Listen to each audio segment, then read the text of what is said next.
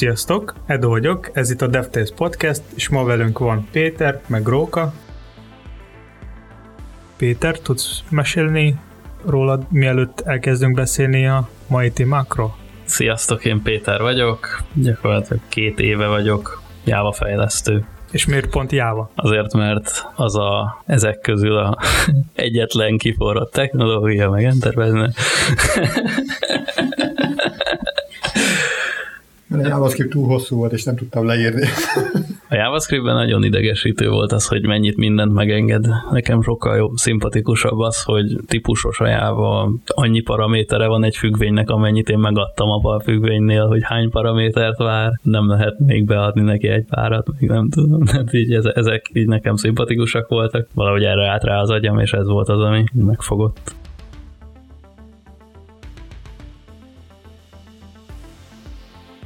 Ma fogunk beszélni egy pár újdonságról, meg a tesztvezérelt fejlesztésről.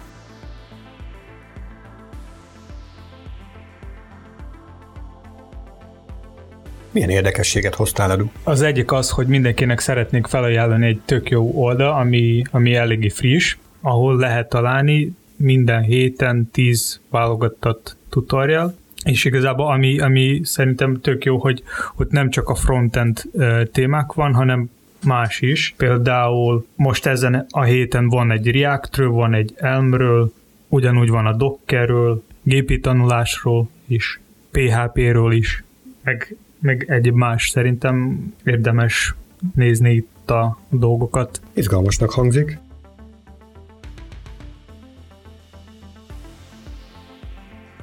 Egy másik ilyen érdekesség, hogy a Microsoft korábban bejelentette, hogy a Windows 10-ben minden egyes hivatkozást azt az Edge fog megnyitni, és ezt biztonsági okokra hivatkozva döntötték el. Ezt a lépésüket visszavonják, és most már nem fogják ennyire erőltetni az Edge böngészőt, hanem lehetőség lesz átállítani, hogy például a levelező az milyen böngészőben nyissa meg alapértelmezetten a linkeket. Tehát, tehát az azt jelenti, hogy a Windows 10 az Edge az volt csak egy default böngésző? Hmm. Eddig? Tulajdonképpen igen. Tehát, hogy alapértelmezetten az nyitotta meg mindenképp a linkeket. Ugye ez biztonsági szempontból érthető, mert hogy ők a saját termékükben bíznak. Másik oldalról, felhasználói oldalról viszont nagyon kényelmetlen, hogyha valaki egy másik böngészőt szeretne használni, már pedig az emberek többsége azért csak arra szokta használni az Edge-et, hogy letöltsön vele egy Chrome-ot mondjuk. Szóval ez erősen korlátozta az embereket. Szerintem iOS-on például kicsit nagyobb probléma, mert ott a másik böngészők ők a WebKit-en futnak, mint a Safari. Tehát ott, ott igazából minden böngésző, ami nem Safari, az igazából Safari mert ugyanúgy a WebKit-en fut. Ez szerintem sokkal nagyobb probléma, mint, vagy egyik szempontból sokkal nagyobb probléma, mint a, mint a Windows-on, mert így, mint, így a böngésző fejlesztők nem, nem tudnak azok a feature-ek belerakni, ami, ami desktopon van, például mint Chrome-on. Tehát a Chrome-os, tehát Chrome feature ők sokkal tovább mentek, mint a Safari-nál. Hát ezek a monopól helyzetben lévő cégek, ezek ilyeneket is megtehetnek. De erre nem szokott lenni ilyen európai szintű versenyszabályozás, hogy nem lehet rám erőszakolni semmi, ilyesmi.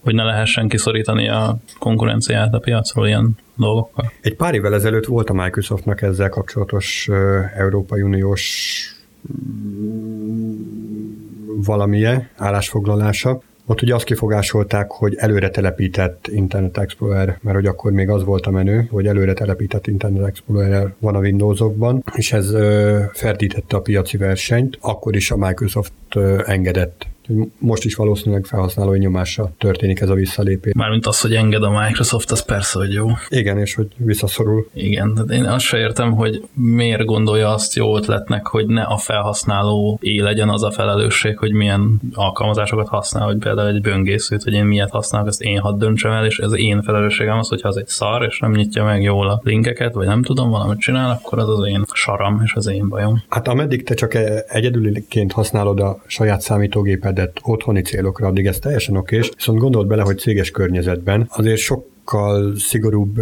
szabályok lehetnek arra vonatkozóan, hogy milyen oldalakat nézhetnek meg az alkalmazottak. És az Internet Explorer az nagyon erősen együtt tud működni a Windowsnak az ilyen irányú policy beállításaival, míg más böngészők pedig nem annyira. Ilyen szempontból akár jó ötlet is lehet, és pont ezért nagyvállalatoknál nagyon szeretik az üzemeltetők az Internet Explorer-t, hiszen nagyon jól be tudják szabályozni szemben másfajta böngészőkkel. Tehát itt is igazából az otthoni felhasználóknak kedveztek ezzel a döntésükkel. Jó, de én nem is azt mondom, hogy ne legyen Internet Explorer, azt mondom, hogy én hadd döntsem el, hogy az én operációs rendszeremen én melyik böngészőt szeretném elindítani, és hogyha én egy üzemeltető vagyok, akkor a cégem belül én beállítom, hogy ott mi legyen, meg hogyha nekem ilyen policy kellenek, akkor ezt beállítom, hogy már pedig akkor itt ezt Edge-be nyitjuk meg, vagy nem tudom milyen Explorerbe nyitjuk meg. Szerintem erre az, az a válasz, hogy kell akkor ilyenkor open source megoldásokat használni, például Linux, ahol te bármit tudsz csinálni, viszont a Windows meg a macOS, ez, ez zárt oprendszer, és ott igazából amit ők csinálják, az, az kell követni. Az, egyik szempont, de én is igazából egyet értek veled, viszont az Edge-nál én szerintem még az volt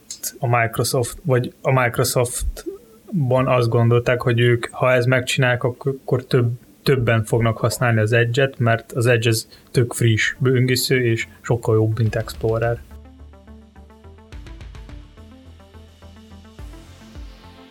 Én még egy érdekes témát hoztam. Nem tudom, hogy ti mennyire ismertek a, egy ilyen stylish böngésző kiegészítő. Hallottam róla, bár használni nem használtam. Én még nem is hallottam róla. Ennek az a lényege, hogy ezzel a kiegészítővel lehet átszkinezni bármilyen oldal, tehát például lehet azt megcsinálni, hogy a Google, vagy a GitHub, vagy a Facebook legyen sötét témába, és nem világos, vagy tök saját, vagy, vagy saját CSS-t is lehet írni, és, és akkor ezt rárakni valamelyik oldalra. De akkor ez csak ilyen nagyobb oldalaknál működik, vagy a saját kis oldalamat is lehet így? Hát ez bármilyen oldalon tud működni, csak ha... Tehát nekik van egy saját adatbázis, vagy egy lib, ahol lehet találni már meglévőket, ha tiéd kis oldal mondjuk hiányzik, akkor tudsz sajátot csinálni, csinálni, és akkor azzal fog működni. Tehát igazából saját CSS-t kell csak írni, és, és ez így fog működni. Egy részről tök jó plugin, viszont nemrég eléggé érdekes dolgok történtek vele, és igazából így a... Nemrég történtek, vagy, vagy csak most derült ki az, amit hozva? Hát szerintem inkább, ami nemrég derült ki. Uh-huh. Na ne kerülgessük a forrókását, szóval miről van szó? Arról van szó, hogy nemrég egy cég megvásárolt ezt a stylish kiegészítőt, és az a cég, ő igazából gyűjti a felhasználónak a adatforgalmát. És igazából ez a kiegészítő azt csinálja, hogy ő ellap, el tud lapni az összes felhasználó böngésző historit és ezzel az a baj, hogy a böngésző historiban lehetnek ilyen linkek, amiben vannak tokenek, és azok tokenek lehet nem, nem voltak kihasználva, és ők így valahol tudnak kihasználni ezeket a tokenek, mondjuk például reszetelni egy jelszót, vagy bármi más. De ez nem csak ilyen szempontból tud problémás lenni, hanem abból is, hogyha már a GDPR-ról elég sokat beszéltünk, hogy mondjuk kiderül ebből a hálózati forgalomból az, hogy konkrétan én ki vagyok. Mert mondjuk egy, egy Twitter csatornán egy felhasználó név per edit, URL, az már önmagában meghatározza azt, hogy ki az, aki ezt a forgalmat tudja elindítani. Igen, de szerintem a mai technológiákkal az is lehet kideríteni, hogy nem is muszáj, hogy legyen valami URL végén, hanem csak, hogy milyen oldalak mész rá, és ebből megtanulni, hogy ki vagy te. Igen. Szóval itt igazából arra kell figyelni, hogy milyen pluginok használjunk, és, és mennyire fontos nekünk használni ilyen pluginok, és sose fogunk tudni, hogy milyen plugin mit lop, és mit köt. Hát azért van itt egy jogosultságkezelés, tehát hogyha nem egyezel bele, hogy minden história elemhez hozzáférjen, akkor azt nem, nem fogja tudni megcsinálni. Tehát ugye az elején, amit át szoktunk ugrani, mondjuk egy androidos alkalmazásnál is, hogy ez az alkalmazás szeretne hozzáférni az XYZ feature Ez csak így simán át szokta nyomni az ember, hogy igen, oké, okay, rendben, csak legyen már nálam az a program. Ugyanez Chrome kiegészítőknél is megvan. Igen, csak például vannak ilyen dolgok, ami, amiről ezek a kiegészítők nem is tájékoztatják a felhasználót. Mondjuk minden, minden kiegészítőnek van hozzáférés mindenhez, ami történik az oldalra, tehát ők tudnak figyelni a minden input mezőt, de ezekről ők nem tájékoztatják.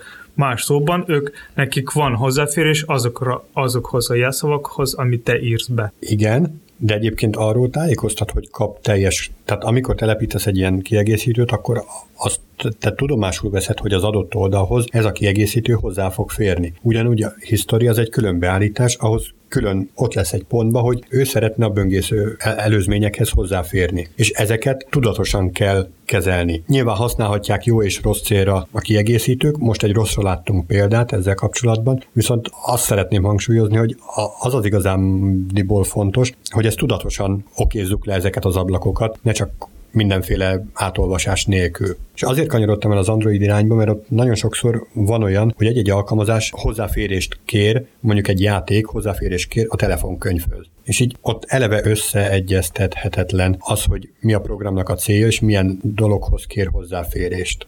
Jó, hogy kiemelted Android alkalmazásokat. Én még akartam itt belerak, vagy a, még egy példáról beszélni, az a Facebooknak a Messenger alkalmazás. Ott, ott még nagyon rég, régen észrevettem, hogy mikor felraksz maga az alkalmazást, akkor ő egyből kéri, kér a hozzáférés a te kapcsolat listáról, és ott legrosszabb rész az, hogy tehát nincs rendes felület, ahol felhasználó tud letiltani ezt. Tehát mondjuk felüljön egy ilyen ablak, ahol megkérdez, megkérdezi, hogy szeret, szeretné kapni hozzáférést a kapcsolat listáról, ott van egy, ott van egy OK gomb, és van egy további info gomb. Tehát nincs egy uh, make sem vagy cancel gomb és igazából meg kell nyomni egy learn, vagy a további info gombra, ott lejön egy valami szöveg, és csak azután valahogy nem fogsz hozzáadni neki a, a hozzáférést.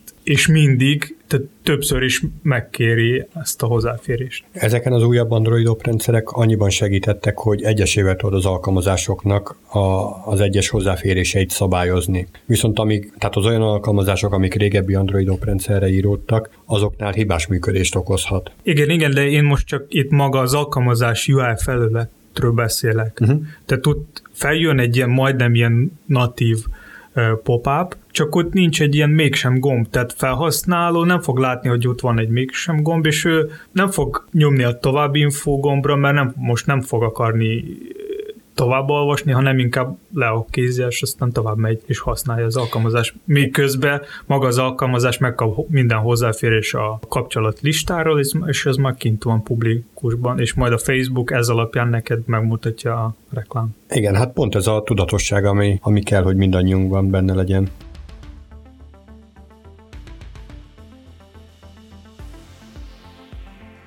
Hogy mi az a tesztvezérelt fejlesztés.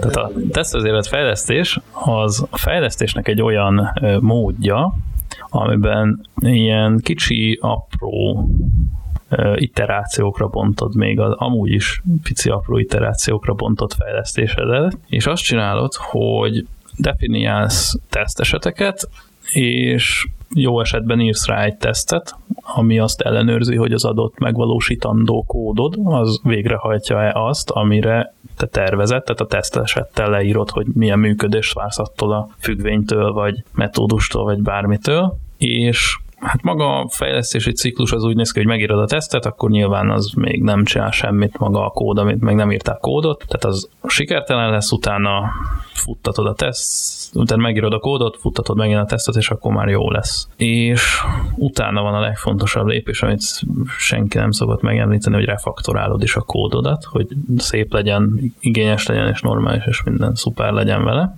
De hogy miért is jó ez? Egy pillanat, vagy még bele azzal, hogy ilyen nagyon apró lépésekre bontod, ezzel nem fogod bemerevíteni a kódodat. Olyanra gondolok itt, hogy magával a tesztel egy-egy metódust letesztelsz, és hát ezzel bemerevítetted, hogy az a metódus az mostantól csak ezt, azt és csak úgy tudja. És később, hogyha refaktorálni szeretnéd, akár teljesen más design patent szerint átépíteni, de hogy valójában ugyanaz az alkalmazás lesz, és ugyanazt kéne, hogy tudja, de a teszteket is újra kell húznod, és ez nem lesz így nagyon sok plusz munka. de a időt azt növeli, viszont szerintem az a haszon, amit lehet rajta nyerni, hogy nem biztos, hogy nekem akkor, amikor én egy pici aprót módosítani akarok ezen a már meglévő kódbázison, amit ezt le van fedve, akkor nekem nem biztos, hogy arra lesz nem tudom, időm, hogy teljesen lássam, hogy akkor az a kód az tényleg az, az, az mit csinál lépésről lépésre. Én csak azt tudom, hogy egy paramétert átírok benne, és akkor az mostantól ne ötöt írjon ki, hanem tizet írjon ki. És így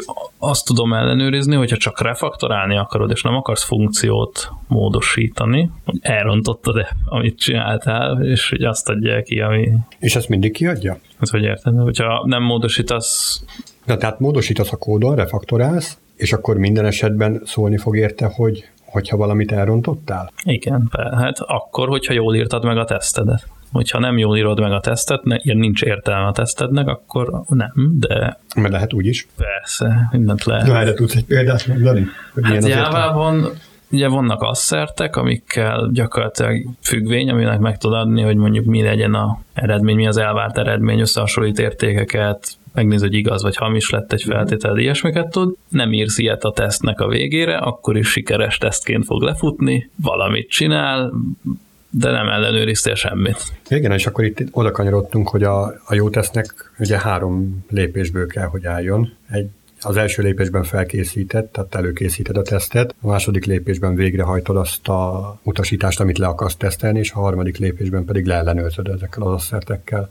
Igen. Milyen lefedettséggel dolgoztok? Mivel garantálható az, hogyha, hogyha tényleg módosítasz valamit, refaktorálsz a kódon, akkor az mindenképp kijöjjön, hogyha hibás? Hát a refaktorálásnak én úgy tudom, hogy eleve az a definíció, hogy nem változtat a működésen. Igen. Tehát azt úgy tudod garantálni, hogyha nézzünk mondjuk a függvényed, az egy nagy logikai művelet, ami több darabból áll, és kijön valami össze, nem tudom, éselések, meg vagyolásoknak a eredmény halmazát adja, mondjuk három bemenetből, akkor leteszteled az összes elágazásra, hogyha ez ilyen, ez olyan, akkor minek kell kijönni, és gyakorlatilag nagyon sok tesztet írsz rá, hány, milyen, hány teszteseted van, annyi tesztet meg kell, hogy írni. Tehát akkor ez valójában 100%-os lefedettséget jelent. Hát az úgy 100%-os tesztlefedettséget jelent, szerintem, ha jól írod meg, uh-huh. akkor úgy megírni, hogy csak a felét tesztelem, annak semmi értelme, vagy csak az igaz ágat tesztelem végig, hogy persze ez így jól működik, annak úgy nincs sok értelme.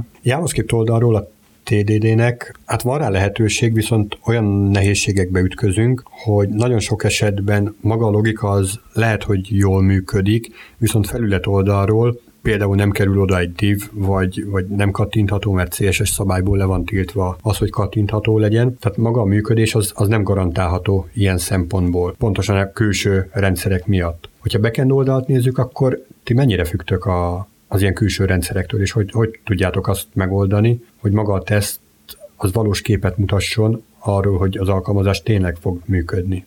Hát amikor nekünk valami, mondjuk egy másik háttérrendszert kell elérnünk, amire nincs nagyon hatásunk, hogy valami ilyen, akkor azt mokkolni szoktuk, ami azt jelenti, hogy én kitalálom, hogy az vajon mit fog nekem mondani, ha én adott, nem tudom, requestet elküldök, akkor mi lesz az ő válasza. És hogyha nem azt mondja élesen? Hát élesen nagyon sok esetben nem ugyanazt fogja mondani, mint amit én kitaláltam.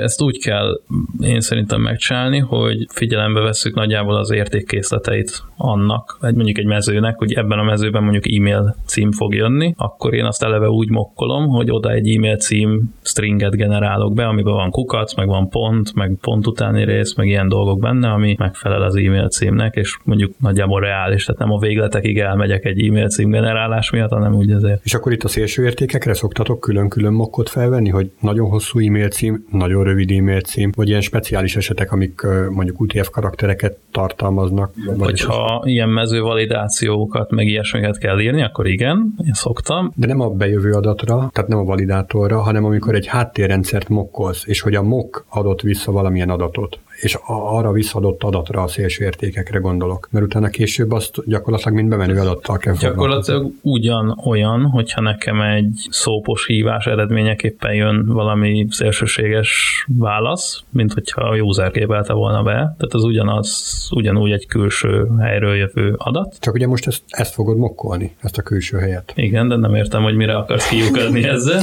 Tehát, hogy maga a mok, az képes-e visszaadni többféle adatot? Hát ez azt adja vissza, vissza, amit én mondok neki, hogy adjon vissza csak adott egyet. bemenetre. Hát én úgy szoktam megírni, vannak erre már ilyen szerintem cégen belül is bevált praktikák, hogy random generálunk stringeket, tehát nem én írom le, hogy alma, és ezt ad vissza, hanem generáltatok. És ez a random, ez nem túl félelmetes? Tehát, hogy mondjuk eltörik a, a CI szerveren ez a teszted, és utána megnézed, és lefuttatod százszor, és nálad jó lesz, de a CI szerveren megint eltörik, mert ott úgy jön ki a random. Nem. Ez nem így működik. Annyira nem random. Tehát én, én Csak egy kicsit.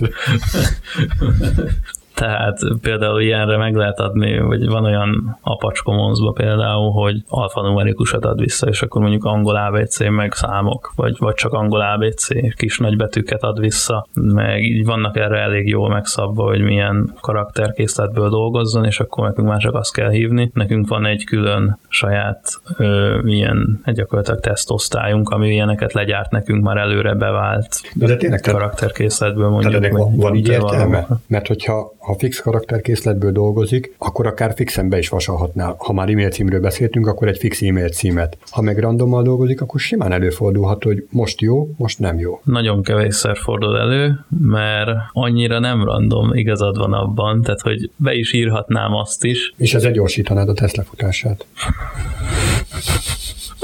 Szerintem ebben a mértékben már nem az a háromsoros random generálás az, ami megdobja a teszteknek az idejét, hanem inkább a, amikor ilyen integráltabb teszteket írunk, ami az egész springes környezetet fölhúzza a háttérben, azok azok, amik eltartanak tizen akárhány másodpercekig, amikor futnak, viszont egyszer csinálja meg, és utána az egész 500 ezer tesztre, amit írtál az alkalmazáshoz, az elvileg egyszer jön csak létre, és utána ugyanazt használja. Akkor lesz durva, hogyha mondjuk van 10 darab teszted, és abból egy darabhoz kell az egész környezetet így fölépíteni springesen, akkor az el kell gondolkodni, hogy tényleg van-e szükség arra az egy tesztre, vagy meg lehet-e oldani máshogy. Ilyenkor az alkalmazás állapotával mit csináltok? Tehát, hogyha mondjuk egy teszt megváltoztatja az alkalmazásod állapotát, egy ilyen integrált teszt, akkor utána a következő teszt, ez így azzal kezdő, hogy helyreállítja, vagy Jávában ez tök jó van kezelve, mert ott van olyan, hogy before, meg test, annotációk. A before az azt csinálja, hogy mi- mielőtt lefut minden teszt, az előtt, ami abban van, azt megcsinálja. És ott szoktunk az ilyen előkészítéses dolgokat, inicializálást, létrehozás, példányosításokat, meg ilyeneket végrehajtani. Hogyha mondjuk van egy osztályom, aminek szeretném tesztelni az összes metódusát, akkor én a before-ban példányosítom őt, ott adom át neki mondjuk konstruktor paraméterben az összes olyan de most amiről beszélsz, az a unit teszt. service. Ez A- unit teszt, Amit én kérdezek, az az integrációs teszt. Az integrációs teszt az nagyon így a Spring irányba van nálunk eltolva, és ahogy a Spring létrehozza ezeket a bíneket, úgy ilyen tesztkörnyezetet hoz létre igazából, de is minden egyes teszt előtt lefut egy before, szóval És akkor nem fordulhat elő az, hogy maga a teszted az valamilyen állapot változást idéz elő ebben a környezetben, ebben a felhúzott környezetben? Mert ez ugye,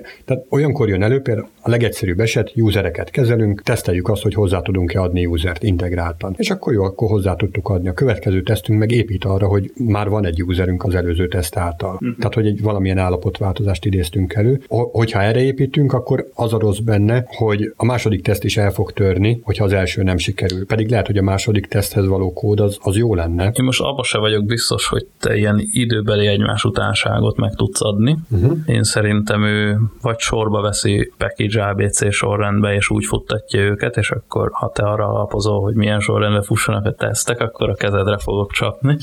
De de nem, nem, nem hiszem, hogy ilyen gyakorlatban van, meg nem nagyon szoktunk igazából integrált ilyen teszteket írni, ez a baj. Persze, nyilván jó lenne ilyet is írni, de De érted, hogy az a probléma, hogy ö, az, tehát backend-es fejlesztő azt mondja, ó, kész vagyunk, szuper mi, minden. mi a teszt? Az- Azt kell definiálni, hogy mi, mi az a teszt eset, amit te szeretnél tesztelni. Te azt szeretnéd tesztelni, hogyha én beposztolok a controller rétegbe, akkor az bekerül a DB-be? Nagyon jó kérdés. Felhasználó szemszögből soha nem beszélünk arról, hogy kontroller réteg, meg DB, meg akármi, hanem hogy beküldtem azt, hogy 42, utána írja ki a rendszer, hogy 42. Szó sincs arról, hogy milyen keretrendszer posztolunk, vagy szópon használjuk. Én egyébként úgy fogalmaznám meg ezeket a teszteket, hogy azoknak valós use case-eket kellene tartalmazniuk a teszt leírásban. Hát és az is egyébként egy jó kérdés, hogy ezek hol születnek meg, ezek a teszt kézek, tesztesetek. Hát gyakorlatilag a projektnek a tervezése során kellene erre gondolni, és az ott felvett user sztorikat lehetne teszté átfordítani. Igen. Na, de hogyha megrendelő oldalról nézed ezt a problémakört, akkor hiába mondja neked az összes teszted azt, hogy minden rendben van, hogyha felhasználói szemszögből nagyon nem lesz rendben, mert hogy az, az integráció során valamelyik két komponens között elbicsaklik a történet. Mindig a JavaScript a hibás. Kivéve, amikor a szóban nem sikerül az Persze akkor a másik backend rendszer a hibás. Hogy ezekre a problémákra tesztekkel tudtok valamilyen megoldást adni? Arra felkészülni, hogy egy más kódbázisba hogy felszedtek le, vagy tehát, hogy valamilyen ilyen integrált vagy szürkedobozos teszttel, vagy Já, nem szoktatok? Jávában elég sok mindent meg lehet oldani, biztos erre is annak már jó bevett szokások és megoldások. Mi nem annyira szoktuk ezt az oldalát omni a dolognak, pedig szerintem nem lenne egy rossz dolog. Tesztelőknek kevesebb munkája lenne valószínűleg ennek eredményeképpen, bekendeseknek meg milliósorszor sokkal több. De most nem Seleniumra gondolsz? Maga az implementáció az lényegtelen. Tehát akár lehet például fantomiessel egy headless böngészőben megkattingatni a dolgokat, vagy Seleniummal, vagy, vagy bármilyen eszközzel ilyen kvázi teljes értékű integrációs tesztet futtatni. Tehát, hogy maga az eszköz az lényegtelen. Akár Seleniumra is gondolhatok. Mert ugye abban például pont jávával lehet. Tehát alapból ugye azt nem tudom, használtad már valahol? Szerintem nem. A, egyszer a J-métert uh-huh. volt ilyen? Igen, nem. Azt hiszem van ilyen. Azt egyszer kipróbáltam, de az sem úgy, hogy projektbe kellett volna, hanem még amikor tültem a betanulós időszak végén, és szóltam, hogy ha hát nekem nincs több feladatom, akkor kitalálták, hogy hú, ezt nézd már meg, mert ez, ez egy jó dolog. Megnéztem, jó dolog, de még senki soha nem kérte, hogy írjak JMeteres teszteseteket, vagy bármit, és teszteljünk azzal. Hát az JMeter főleg terheléses teszteket uh, tud kihozni, tehát hogy nagyon sok felhasználót egyszerre ráereszteni egy adott szájtra, és hogy mennyit bír belőle. Amit Edu említett, a, a Selenium, az ugye inkább arra vonatkozik, hogy felületről elindított kérésekre adott válaszokat lehessen vele tesztelni, tehát ilyen szempontból integráltabb. És Selenium abból szempontból jó, hogy bármilyen böngészőt tud megnyitni, viszont a Phantom.js például az csak a webkites. Uh-huh. Hát ami még ilyen szempontból problémás lehet, hogy maga az, hogy egy Seleniummal vagy Phantom.js-sel leteszteljük a kódunkat, ahhoz az kell, hogy legyen egy futó kódbázis. Míg Jávában a, akár a unit tesztekkel, akár a, a Spring-es integrált tesztekkel, hogy gyakorlatilag on the fly előáll egy környezet, amit szeretnénk letesztelni, majd utána lebomlik. Tehát elveszik az az állapota, míg hogyha ilyen, ilyen külső teszteszközt használunk, akkor ennek futnia kell, és azt, azt valamilyen állapotban fogja hagyni a teszt. És arra a teszt írójának kell gondolkodnia, hogy ezt az állapotot kitakarítsa maga után ami egyébként emberpróbáló feladat tud lenni, hogyha ha az egyik teszt eltörik, akkor milyen ágban kell folytatni utána. És a kérdés az, hogy mikor kell ilyen teszteket írni. Hát jó lenne mindig. A kérdés az az, hogy mire akarjuk használni ezeket a teszteket szerintem, mert hogy hogy adjuk ki a hibátlan, hibátlan szoftvert. A tesztvezérelt fejlesztésnek az a lényeg, hogy amit legyártasz, az azt csinálja, és csak is azt csinálja, amire kitaláltad, mert amit kitaláltál, azok lesznek a teszt eseteid. Azt meg, hogy utólag letesztelni, hogy ami lett, az azt csinálja-e, amit kéne, hogy csináljon, az már szerintem más, mert az már nem a fejlesztés idejében van. Tehát ez, amit Seleniumot mondtok ti, amihez kell, hogy már működjön. Azt én úgy értem, hogy utólag ráereszteni egy meglévő alkalmazásra, definiálom, hogy most az mit csinál, hogy mit kellene, hogy csináljon, és akkor megnézem, hogy tényleg az történik-e, ahelyett, hogy én végig kattintanám, és megnézném kézzel, hogy tényleg azt csinálja. Hát na jó, csak egy, egy nagy... 40 oldalas, igen, én sem akarom végig kattintani, senki nem akarja végig kattintani. Másik oldalról azért ilyen integrált tesztet is lehet tesztvezérelten írni. Tehát elkészülhet a tesztforgatókönyv korábban. És persze nyilván hibára fog futni minden, csak ez nagyon jó standardeknek kell lenni, hogy itt már pedig az lesz a gombnak a azonosítója, hogy, hogy beküldés gomb. Lehetne ilyet írni, ez tök izgalmas lenne, ha ilyet egyszer kipróbálnánk valami projekt keretében. És mikor éri meg írni teszteket bármire is? Mindig. Akár kis projektre? Igen. Még garantálja azt, hogy ha később mondjuk egy fél év, egy év kihagyással hozzá szeretnél nyúlni, és amikor már nincs a fejedben a projekt, az, hogy mit miért csináltál, akkor is úgy hozzá tudsz nyúlni, akár új feature-t, akár refaktort tudsz benne úgy csinálni, hogy nem lesznek álmatlan éjszakáid a felül, hogy valamilyen rejtett feature-t elrontottál. Akkor azt mondod, hogy akár egy landing oldal, ahol van egy ilyen bármi form, és tehát ott is jó, hasz, lesz hasznos. Igen. Igen, még csak egy landing oldalon lévő fornak sem kell lennie, csak egy landing oldal, tehát egy statikus oldalt is érdemes lehet letesztelni, hogy egyáltalán megjelenik-e. Látszik-e a főcím, látszik-e a tartalom, de ha mondjuk ilyen regression teszteket csinálni, az lehet több idő lesz meg lefejleszteni ezeket a teszteket, mint maga az oldal, vagy a landing. Biztos, hogy több idő egy csomó esetben egyébként, viszont most több idő, fél év múlva meg, amikor én hozzá akarok egy picit módosítani, akkor tényleg mondta Róka is, hogy nem emlékszem rá, akkor viszont nem, mert látom, hogy nem tört el a tesztemet, akkor mehet. Nagy biztonsággal akár péntek délután is ki lehet élesítő csomagot adni. Nyugodtan alszik mindenki hétvégén. Én szerintem, hogy csak a ilyen nagy projekteknél, mint mondjuk egy Google, vagy Facebook, vagy GitHub ott éri meg írni a teszteket, mikor ott egy nagy csapat van, és több csapat van, és, és ott az egész projekt, az egész projektet bizonyítja azt, hogy minden jó működik, meg minden UI komponens úgy néz ki, ahogy designer vagy UX-es te- tervezte meg. Képzeld el, hogy csinálsz valamilyen nagyon apró szájtot, ami mondjuk három oldalból áll.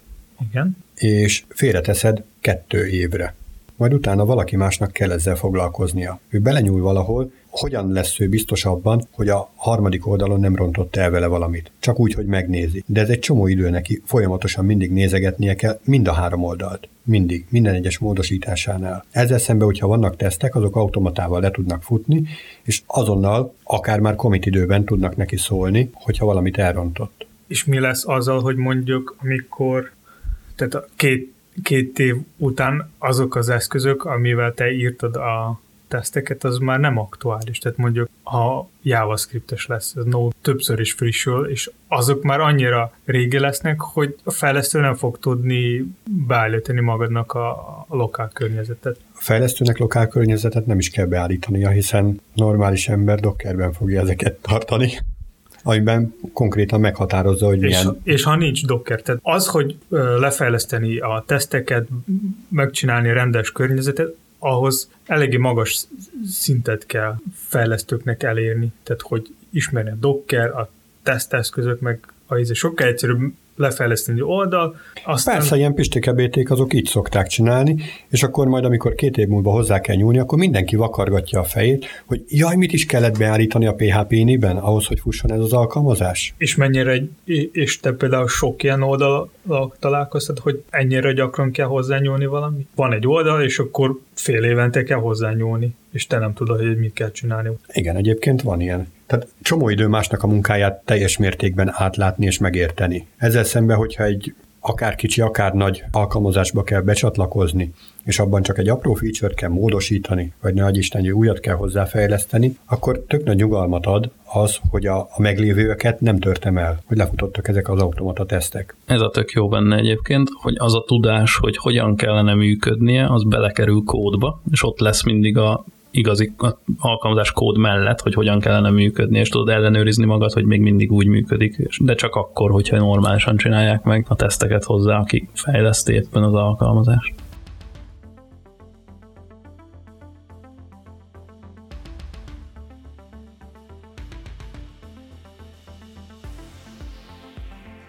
Írjátok nekünk Twitteren, hogy mit gondoltok a TDD-ről, és egyáltalán használtak-e, vagy sem, vagy írjátok bármi más visszajelzés, vagy írjátok, ha van valami ötletek valami témáról, és ha szeretnétek meghallgatni a mi, a mi vélemények bármilyen kérdésről, az nyugodtan lehet nekünk Twitteren írni. Elvileg nekünk nem sokára még lesz a Facebook oldalat, oldal, majd lehet oda is nekünk írni. Ennyi fért bele a mai adásba, hallgassatok minket legközelebb is. Sziasztok! Sziasztok! Sziasztok!